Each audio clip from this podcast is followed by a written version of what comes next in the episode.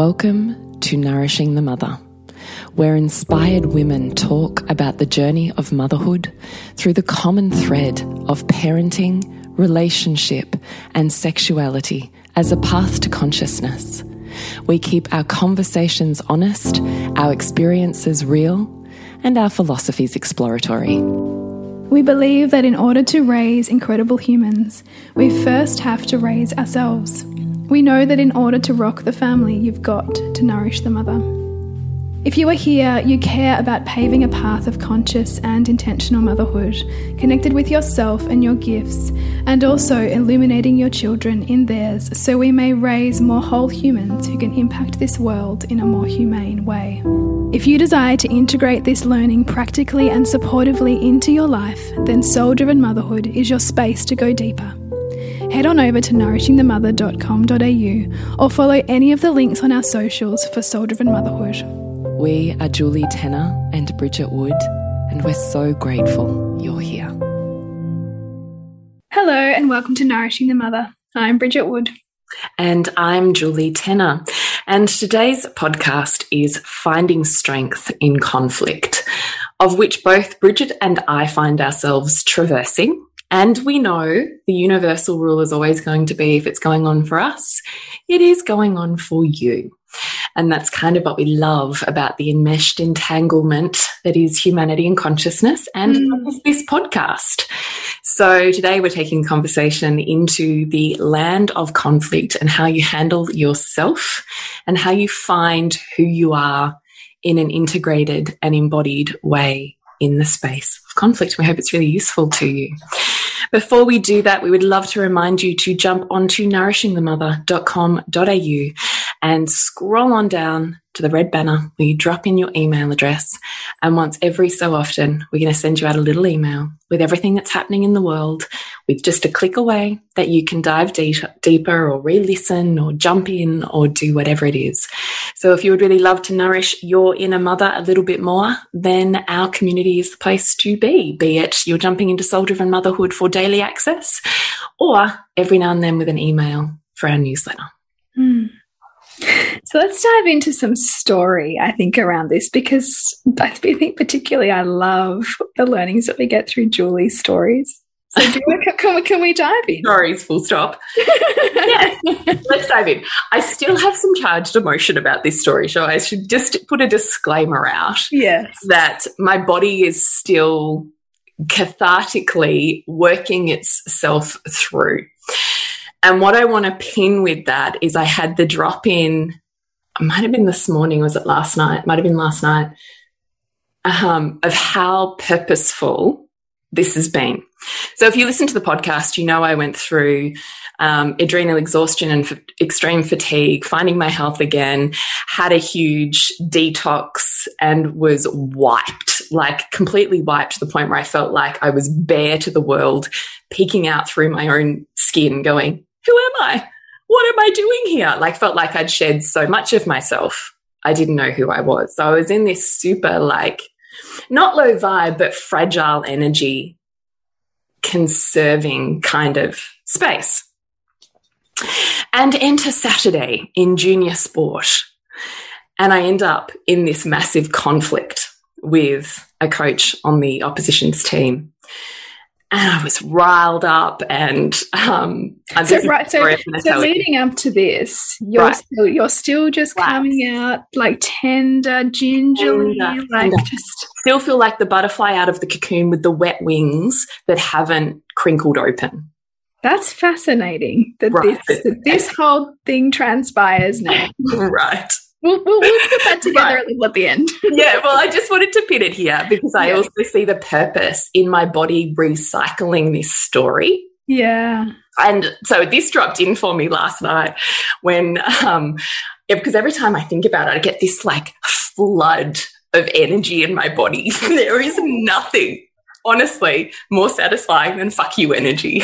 God, like, it's like on tap, right? It like is. Like galvanizing. Oh my God.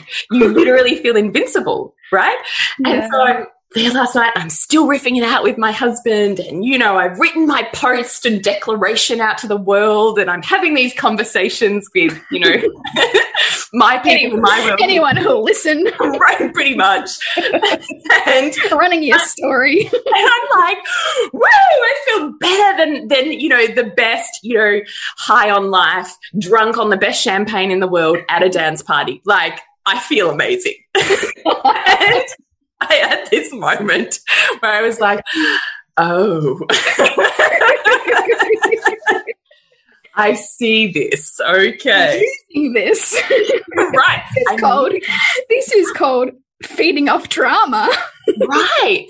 But what I recognize is how perfect that is. Mm. So, um, actually, it might have been Saturday night I had that dropping because it was Saturday morning this happened. And then Sunday, I'm up at 5 a.m. because I'm driving my son and, and a teammate off for this state basketball thing that's in the country. And, you know, it's this big all day thing. So I'm like, this is why I needed energy because here I go, 5 a.m. in the car, packing the things, getting every blah, blah, blah, all Mm. me. And then I'm there and I have lunch with a beautiful friend and we talk about things that are hugely inspiring to me. And I'm like, more energy. I only have the energy to show up with a friend because I've got that energy sitting there. Me mm. as the wet winged butterfly just would like not have had the energy. I would have been sleeping in the car because the car mm. trip would have been enough. Right. Mm. So here I am back from that, still feeling really good. I Have a fantastic night's sleep. Wake up this morning and I am channeling like a motherfucker. I don't know if you can say those two things together, but I just did. So I literally wake up to the most incredible da- for me, the most incredible downloads that take me about five pages of journaling just to get out of my Wow. That's amazing. amazing. So I haven't had that in this whole time. I've been like depleted. Haven't had that. Mm. And all of a sudden I'm like, boom, I am back, baby. I am here. Oh, thank you for that energy hit. Fuck me, this is fantastic. I'm Drunk on life. I'm drunk alive.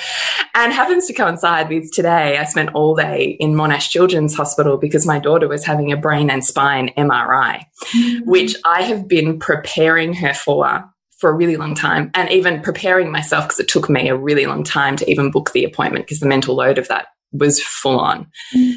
And it's a full on process and managing her anxiety and every stage and every step and all of the maybes.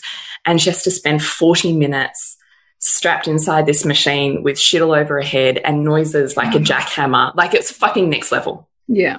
And I have spent my whole day with my nervous system and preparation managing that so well that Mm. she handled it like extraordinarily well. And I also went, I got home tonight and I was like, oh, yeah, okay. I see that too. Mm. I didn't have the energy reserves to do that. Me as the wet butterfly.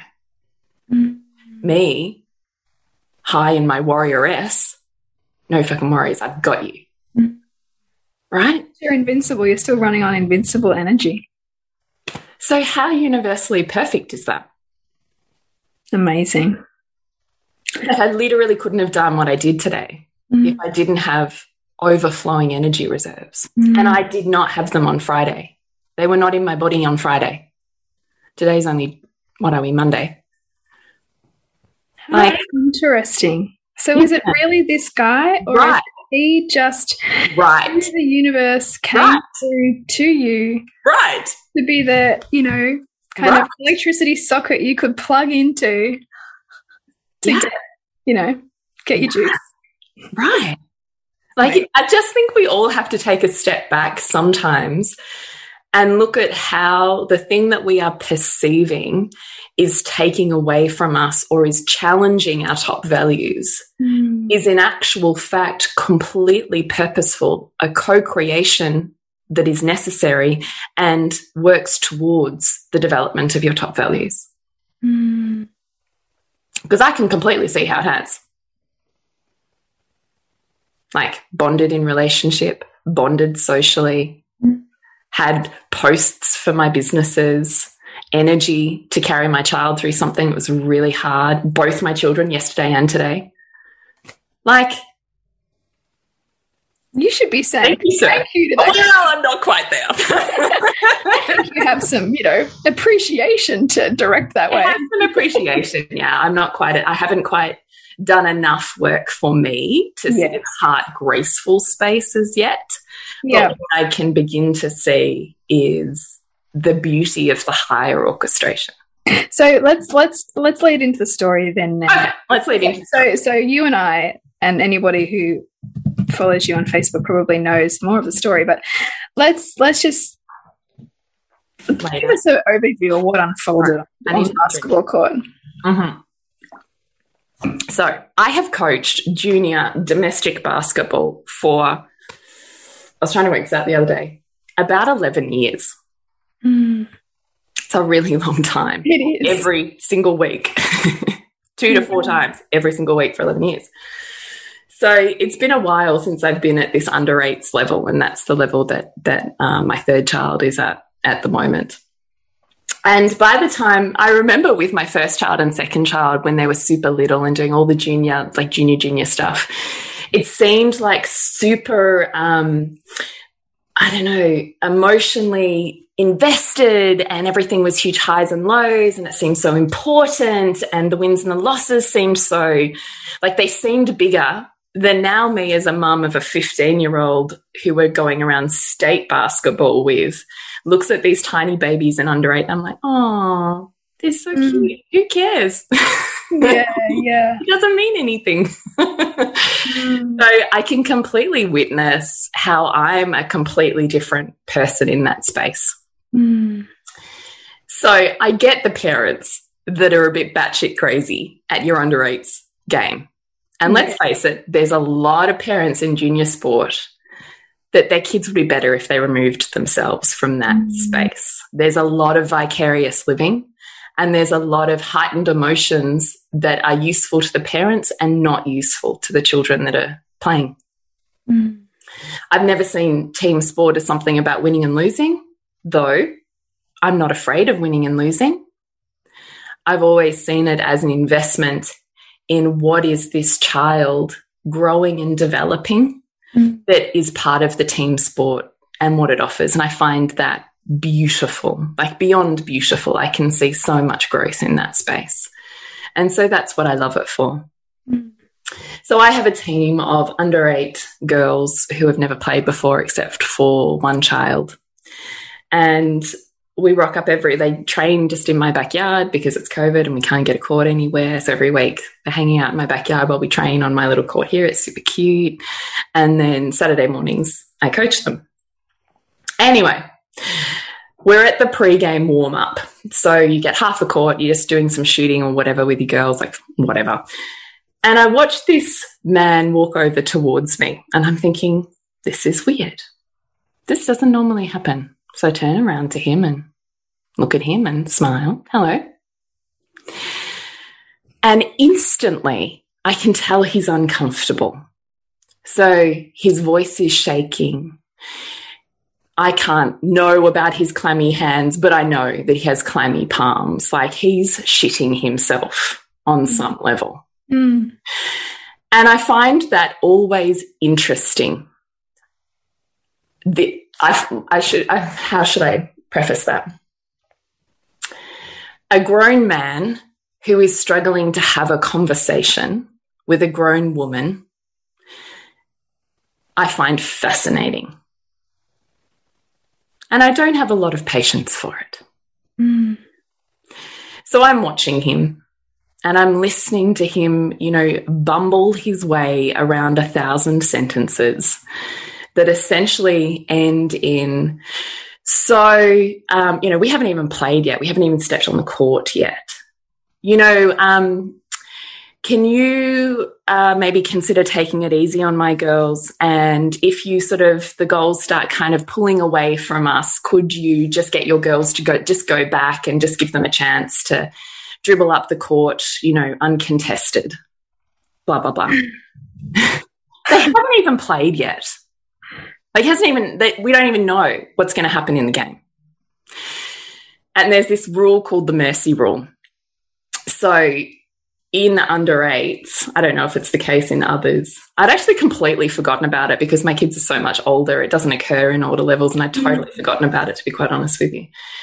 And um, if you get 20 points or beyond, you the other coach has the option of instigating the mercy rule, which is everybody gets back to the half court or the three point line. So you just end up with a wall of defenders.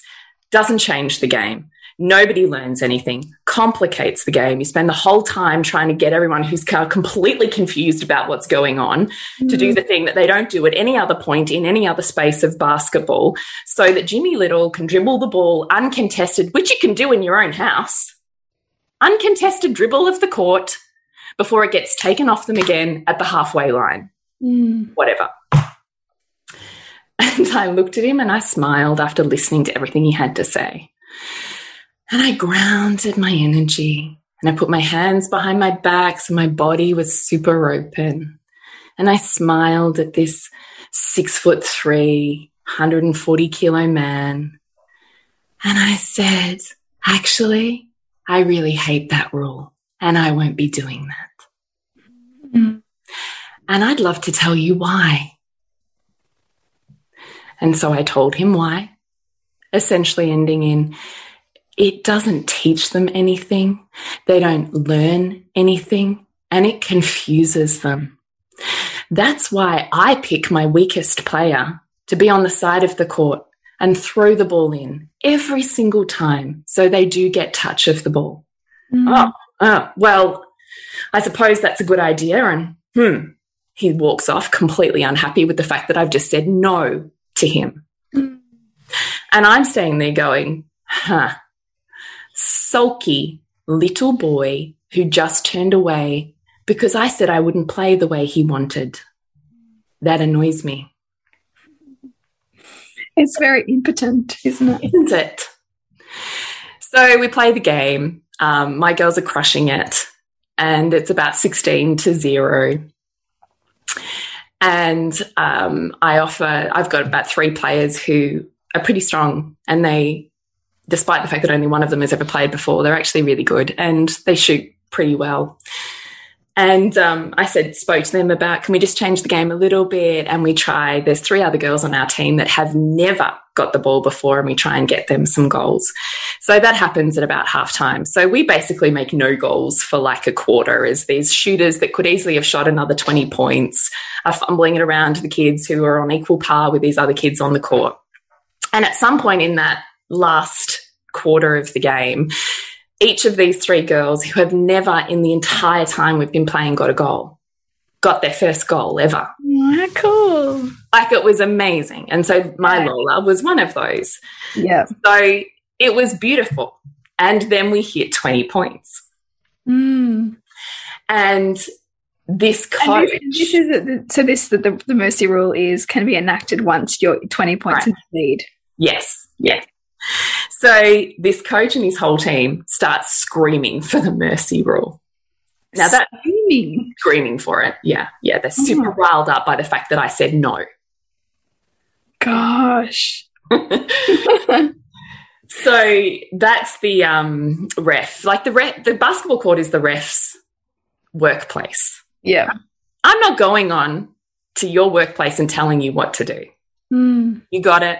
The girls will learn from you all good. We can all just relax. The ref's got mm. it. It's okay. No, this group of parents are pretty sure the ref didn't have it. And in fact, now this six foot three, 140 kilo man takes it upon himself to storm in a red faced rage past his bench past the center neutral territory, which you should never go past if you were playing a game of scorers, over onto my bench to stand over the top of me and yell at me about how I should be coaching. Oh, wow. Ooh. No. So I literally, I can remember having almost an out of body experience where I was like, no. And I literally remember standing up so slowly and silently, but I felt like my feet were in the very core of the earth. Mm. And I felt like I was about eight foot tall. Like that's how grounded I was Mm. in this no. And I stood up, my energy must have spoken because I didn't say a word. I just stood up Mm. and eyed him and literally, with my energy, walked him back, this raging man, back to his bench. At which point, I raised from the depths of my core with a pointed finger, I will not have a conversation with you. If there is one to be had, I will have it with the ref. Mm. And I sat back down on my bench again. This man didn't know what the fuck to do with himself, nor did his raging parents.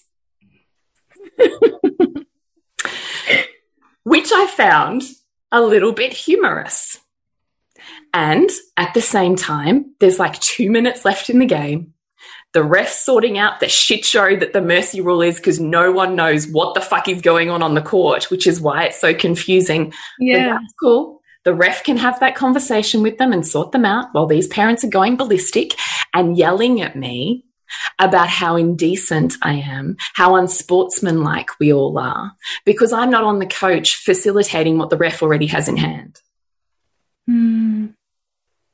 So I sat there and I talked to the girls I had on the bench and I smiled and I reminded myself that we are here to play a game. And three of my girls who have never in their whole time got a goal, got a goal today.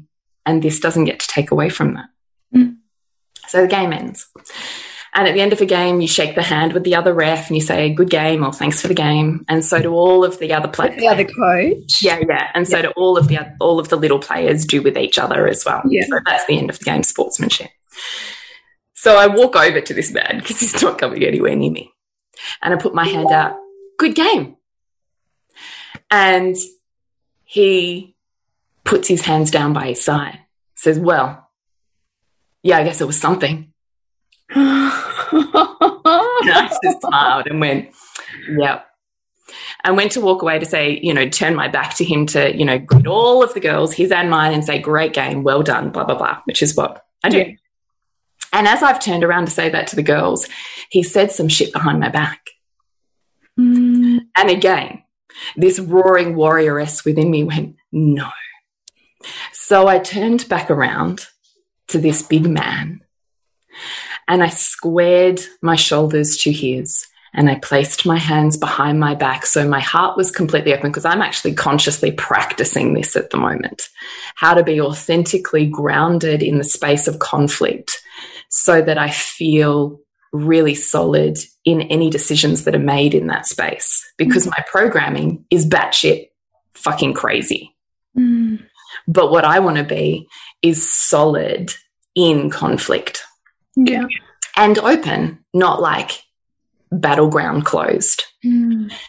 So I literally, hands behind my back, eyes fixed on him, said to him, How about you say that to my face? And this shit scared 14 year old in the body of a giant. And I recognized it straight away. And I was like, huh, there is nothing that shits me more on this world than a flaccid, impotent man trying to bully a woman. There is nothing Especially that trying to, and especially kind of trying to make his his size do the work for him. it was just. I was like, I seriously, this is like I'm parenting you. Mm. This is like I'm parenting Heath. You know, would you like to say that to my face and have a conversation about it? Mm. And he looks at me like a deer caught in the headlights. Oh, well, blah, blah, blah, and he bumbles something and then goes to turn his shoulder to me again, like turn away from me. Said, no, turn around, face me, say it to my face. God, I love it. Because I'm like, no, if you've got something to say, fucking own it. Yeah. Like, otherwise, you shouldn't be saying it. Mm. I don't think he even had anything to say. It was so inconsequential, I couldn't even tell you what he said, except for the fact that I literally felt like I was parenting Heath. Mm. Because about three times in the course of him bumbling his way through that, I had to remind him to turn his body around and face me. Funnily enough, half the parents on my team didn't even know anything was going down, including my husband. And I was like, how the fuck, how did you not know that was going down? He goes, well, I thought you were talking for a really long time, but I was watching you and you were smiling and your body was open and you were nodding. I didn't know anything was going on. I was like, oh, this is so good. Isn't it cool though? Because that means your practice is getting right, right. I'm like, because I felt really grounded in this. Mm. And in mm. actual fact, other people are perceiving me grounded in this. Yes. This is, for me, the fruits of what I've been working on. Mm. So in the end, I can't even remember how it even ended because after I've scolded this man and told him to turn around three times, I don't even think he knows what to do with himself anymore. No, but didn't it, was, but then wasn't it the wasn't it the ladies in the yes. back? Yeah. But then he had the ladies in the back stall who thought they'd have some cracks at me as well. Which again, I just smiled, listened, and responded. And the ref came up and he was like, Yeah, was the 20 point rule. Yeah. And I was like, Mm hmm. Yeah. What exactly are we having a conversation about? The fact that I didn't say to my girls, Get back, get back, get back. No, because the ref had that in hand and it confuses them. So, because I didn't do that, they were telling me I was unsportsmanlike and I, any decent person would do that which at that point I completely smiled. And I'm not even sure how the conversation ended because I was enjoying myself. I'm like, oh, you have no idea how indecent I am. if only you knew.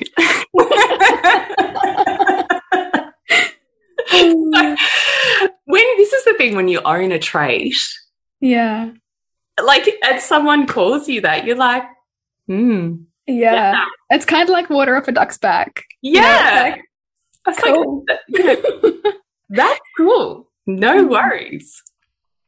Anyway, so that's my story, but I actually thought what I'd do is redo the post that I wrote to those parents in case you all missed. Yeah, great idea. Yeah, page because it sums up what I want us all to contemplate, which is really the deficit of over support and under coaching.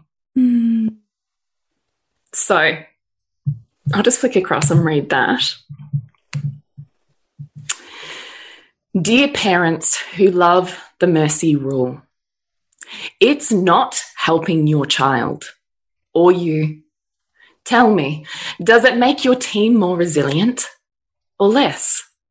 Does it build their ability to withstand disappointment or continue to perpetuate fragility? Does it help you and them focus on a growth mindset? Or does it keep you and them in cycles of scarcity? Does it make learning the game less confusing or more confusing? Is it teaching them skills or keeping them stuck in bad habits and preventing their rising to new skills and abilities? Do you spend your time coaching them or do you spend your time focused on the other team's play? Protecting our children from disappointment does not help them. It hinders them now and into adulthood. And I want to highlight in all my years of coaching and watching basketball, these kindness requirements have never come up in any of my son's teams or my husband's experiences. Never have I had these conversations, nor has my husband, in the spaces of boys and men's sport. But me, as a female coach, coaching girls, has come up against this more times than I can count. Why? Why do we not celebrate strength and success? Why are we so afraid of competitiveness that crafts excellence? Why does everyone need a trophy? Why do girls still need to play nice? Why can't they handle failure and disappointment? Are these not essential skills to develop in order to live a life of excellence? I think we need to collectively stop and ask ourselves why we hold the expectation that girls be nice, play nice, be fair, be compassionate to the other team's deficits and require that they mitigate their own strengths in accordance. What are we teaching our daughters and the women of the next generation? Your shine is too bright. Please dull it so others may feel better. You don't deserve to win when others are losing.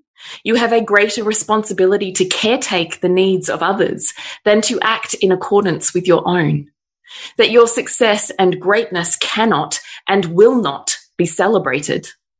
Indeed, that your greatness is threatening to others and is dangerous for you. So don't be great. Be sweetly average. Be beige. Because we don't want nasty women in this society, do we? I'm not up for that, and I'm not in for it either. I happen to love the nasty women, the women who are not silent or silenced, the women who stand in their power and have the courage to say, this is me and I won't shrink for you. Team sport for me is not about the mercy rule or keeping it even. It's about life skills. It's about developing an individual who has opportunities to grow emotionally, mentally, and physically, which serve them for the rest of their life. It's not about a fucking scoreboard. And I love it when we cream other teams. And I love it when we are the team getting creamed. Both are valuable to the growth of the individual. No one more than the other. So show up to coach if you are going to coach. You are influential in the development of young women. The question is, who are you developing? A fragile human who needs their pillow fluffed just right in order to be okay in the world? Or someone who gives their all, is not afraid to feel, to show up, or to celebrate greatness in others because it means nothing about them? Are you teaching these kids that the world needs their greatness? Or are they only allowed to be as great as the weakest denominator? I used to be kumbaya. I get it. I see your fear of their little spirits being crushed. But what I realize now is that was my own fear. It was not something my child needed to carry, or honestly, even felt or noticed. I projected that shit all over them. And if they did feel challenged by a crushing loss, I saw my role as a guide to their greatness. What did they need to handle these emotions? What did they need to improve in the weaknesses highlighted by this game? That's coaching. Saving them is not. Now I see team sport as an invitation into personal growth, and that's what I'm in to coach for. I'm in for the development of the next generation of women, courageous and open, but without the oppressive need to dilute who they are or what they're capable of in order to make someone else feel better. And I'm in for them learning how to handle their emotions and mind. Disappointment is perhaps the greatest learning for resilience. And this skill will save them over and over again in their own lifetime. Protecting your children from suffering does not help them. It hinders them. If I coach against you, don't ask me to consider the mercy rule before any of the girls have even played. Don't decide before the girls themselves have decided what they can and can't do and tried. And when the mercy rule is offered to me, I won't take it. Bring your best. I'm not asking you to shrink so others may rise. That's not how we rise individually or collectively. Shine. Let us see your brilliance so we may know it is safe to see ours and have it celebrated also, instead of made wrong and asked to be tamed. And when it comes to your girls in sport, believe in them. See their strength, not your fragility. Meet every moment with, this too is a learning opportunity. Sincerely, that coach, Jules. So that's my post. I love it. I love it. I love That's so my why. And let me tell you, I have the child with the greatest amount of disadvantage and disability on that court. Mm.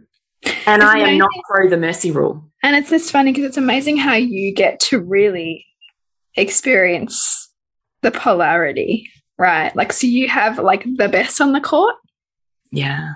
right? And you have, The I worst. don't want to say the worst, but you know, but I'm like, I'm so fine to say that. She tries her heart out and it's, she's like freaking improving every week, but she Yeah. is still like any disadvantaged person starting from a long, long, long way back with yeah. actually no ability to catch up. Mm.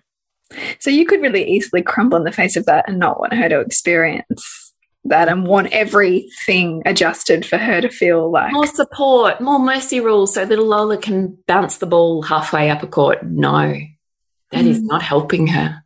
Mm. That is hindering her. And I will not be the woman that stands here and says, we can only be great when you're less so. Yeah. I fundamentally have the greatest problem with that. Mm. Why don't we, like, I'm so fine with the same kid winning the trophy for best on ground year after year after year if they are truly the best on ground. Mm. Why can't we celebrate greatness? And it's so true because I mean, ultimately, like you know, tall poppy syndrome says, "Oh, it should be someone else's turn," you know, Right. or like, "You keep always winning it." Yeah, because they're amazing. Why can't they just be amazing at that Mm, and it not mean anything about you? Mm, That it teach you a whole lot and that your greatness, of which we all have, gets to be celebrated somewhere else. mm. Just Not- like you, just like you celebrate Lola's greatness where her greatness lies, because it doesn't have to be in basketball. It doesn't have to be there. But if I take you down for your greatness on the court, that's a pretty freaking big narrative for me to then try and break out of as an adult who Mhm. doesn't want to be the person that's now cast out of society because they were too great. Mm, I fundamentally have a massive problem with that. mm. It's big. Yeah. And more support doesn't help Lola. Mm, Loving her through challenge, offering her and guiding her with more tools so she may show up in that is what helps her and expands her world, mm, mm. not by trying to shrink it and mitigate it. That's not where power comes from. How much do you see it as parents struggling with their own feelings about their child's disadvantage rather than the child's disadvantage in and Oh, I think it's 100% that. If you looked at those girls on the court, I'm pretty sure none of them gave a shit. Yeah. But we have this fantastic way of making it about our children. We're going into battle for our children, but really we're not. Mm, And I would also say on the coaching thing, how about you show up to coach like I do every week? I don't care what the other team's doing. I care what my girls are doing Mm. and how each one of them has a personal goal to take each one of them a little bit higher than they currently are. That's a personal best. Mm. Who cares about the score? Whereas otherwise, you're, I mean, like it sounds like this other guy's coaching defensively based on what the other team's doing, not actually. It's not even coaching. We had some video footage of those three girls. One of the mums took videos of the three girls' first goals, and I was rewatching them. And I'm like, oh my God. Like, let me just give you a story. Lola, my daughter, her first goal. So, Lola, most physically disadvantaged child on the court, slow and fumbles, right? So, the ball gets thrown to her. She throws it up at the ring. It pretty much hits the top of the backboard and bounces backwards. Someone grabs it, throws it back to Lola. Lola drops it on the ground at the foot of three of their players. Lola picks the ball up in the face of their three players and dribbles three dribbles through their players uncontested to make her shot. How about you do some coaching? and maybe yeah. you wouldn't lose by so much. Mm. Ouch. I'm sorry, but I was watching that going, you want to stand there and have a crack at me wanting to make my girls less great. Yeah. But how about you invest that energy in making your girls better? I reckon I've watched two basketball games in my life, and even I would know that probably you should be getting onto that pretty quick. I was going to say, it's Lola. Like, she is the slowest. Just, I mean, God bless her. I love her to pieces. Mm. But it really highlights how weak your game is. If you are giving Lola an uncontested three shots at a ring, a mm. ball on the floor, which her body works really slow and hard at to pick up, mm. and three dribbles. Like, how about we do some coaching? Yeah. So I'm a little riled up about. so, listeners, can you see how this has given Julie an endless wellspring of energy? Because energy is infinite when you find that source. Right. And, and so, is, and so, so like, if, if we narrow it down, so that's a beautiful principle that we can all remember is energy is infinite when we know the source of it, right? So you can just, it's, it's there on tap. So, what, if you could wrap it up into a sentence, what do you think the source of this is for you?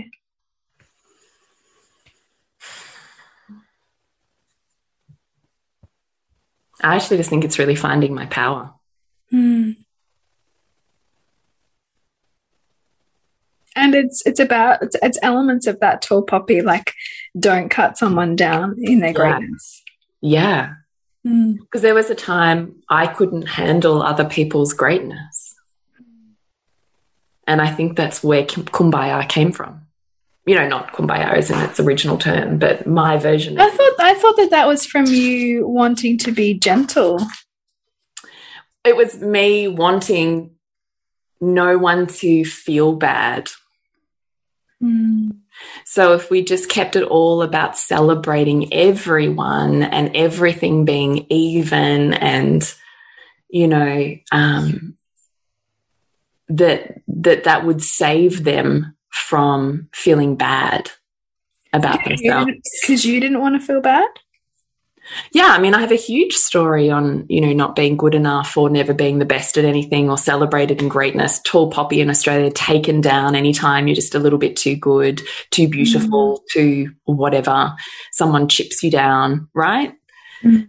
And it's really been through the invitation of sport where I really get to see greatness. And then I started to see wider and apply that to business and to other women that I admired and loved. How could I admire and love them without self minimizing myself? Because it was only my desire to um, bring myself out of the pit that made me want to take them down, find fault, mm. right? Yeah. But if I can just love them in their greatness, see my own greatness, and know that I can be loved in the same way in mine, then there's nothing to protect myself from. Mm. I just think we have a massive problem with greatness. Yeah. And I just really, particularly now in this evolution of me and and business and ambition and and seeing the world in a different way i want to be a champion for greatness. I want your greatness. I want my greatness. We don't get that by saying please tie your hands behind your back so that i can do better. That's not how we get there. No. So fundamentally for me i look at that and go you get to be great and you get to be great. And and please show me your greatness. Show me your greatness. Show me your greatness. Our world needs you this tiny generation of humans right now to be in your own greatness. And if we stand here and we yell and we scream and we argue and we tell you it's not okay that you're so great how will you bring that to this mm. world? Mm if you are scared of what happens when you're great.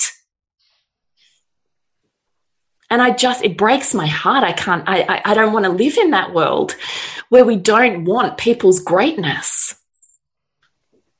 Yeah.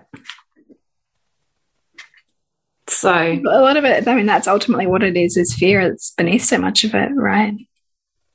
Yeah. You boil it all down. You know, like if you go back to what you were saying in terms of how can I admire and love them without self minimizing, because the fear is if you truly saw somebody else's light, well, then you would throw yourself off a cliff because you could never be that. Mm. But yet their light is trying to awaken you to your own. Yeah, exactly. It's exactly. just that you can't see it yet. Exactly. And same thing, you know, if you're scared of what happens when you're great, then you won't let yourself You won't let yourself. Exactly. Mm. Exactly. If there's fallout of greatness, you won't let yourself.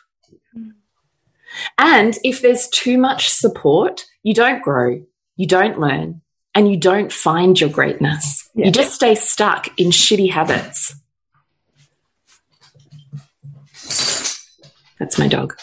So it's not, it's just not helping them. Like Lola will get better and my girls will get better when we go, yeah, you see what happened in that game? How about we work on that? Yeah. And they will find pieces of themselves that otherwise they would not find. And that's the beauty of competition. You rise in greatness. It's not about I win, you lose. It's about, huh, yeah, turns out there's stuff I can improve on. I'm not perfect. Maybe that's okay. And I mean, how much, how important is that for constantly being able to put yourself forward to experience that for life forever? Yeah, it's okay not to be perfect, and for someone else to see your imperfection and say, mm -hmm. "Hey, you know, we could do better here. Do you want to?" Yeah, and also just be a beginner. I've, I've just started um, boxing, and I was, I was laughing about the fact that I don't think I've sweated this much in, in a session of anything probably since I used to do boot camp, which was before CrossFit was even a thing. It was just so we can get a sense of how long ago that was. and the trainer had said, I'm not here to be your friend, I'm here to kick your ass. And I was like, yeah, I fucking love that. And and also that she you she find was, your greatness. Right? Yeah, you find your greatness, and also she she's not giving you a mercy rule. No, and also she wants your greatness. She wants my greatness, and also there was no leniency just because I'm the new person. Right, like, I'm still working on my 200 burpees from today. I hate burpees. They're like the worst. I know. but I, I was like, yeah, like fucking like this let like let's break myself into something greater through this process. Exactly. And be willing to be really shit and suck at it so i can get better. Exactly. There's yeah. nothing wrong with that. Yeah. We're all going to be the team that gets creamed or the body that that collapses right? Yeah yeah. Until we pick up the pieces and rebuild something greater from that. Right. Until we get better which we will mm. through the highlight of where we can grow. Yeah.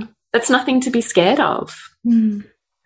So I just think there's so many underlying philosophies in this and universal principles that we could talk about it till the cows come home. And we will in Soul Driven Motherhood.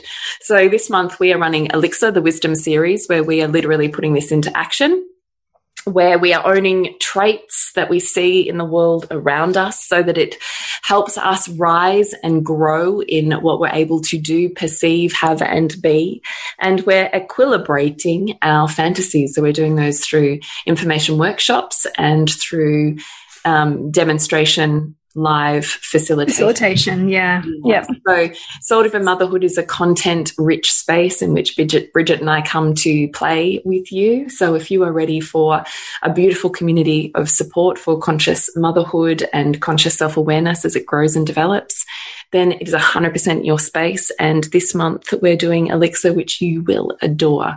It's just $39 for an entire month with 11 plus courses. We're in there starting next week, our podcast streams live in there, an incredible community of women and an incredible opportunity to really flip the way you see your reality right now.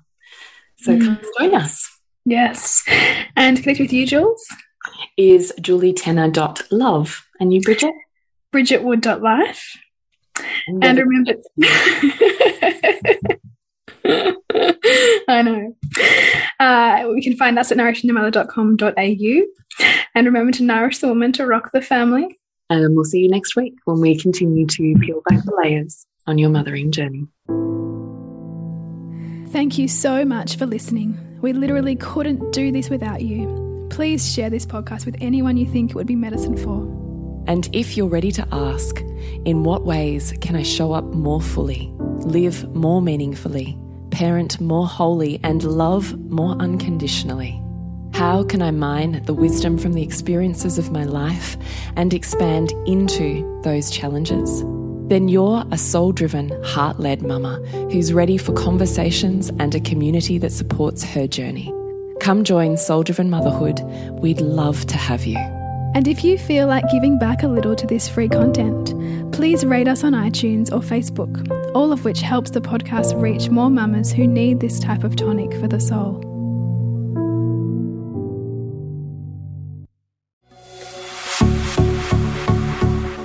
This has been a production of TheWellnessCouch.com. Check us out on Facebook and join in the conversation on Facebook.com forward slash The Wellness Couch. Subscribe to each show on iTunes and check us out on Twitter. The Wellness Couch, streaming wellness into your lives.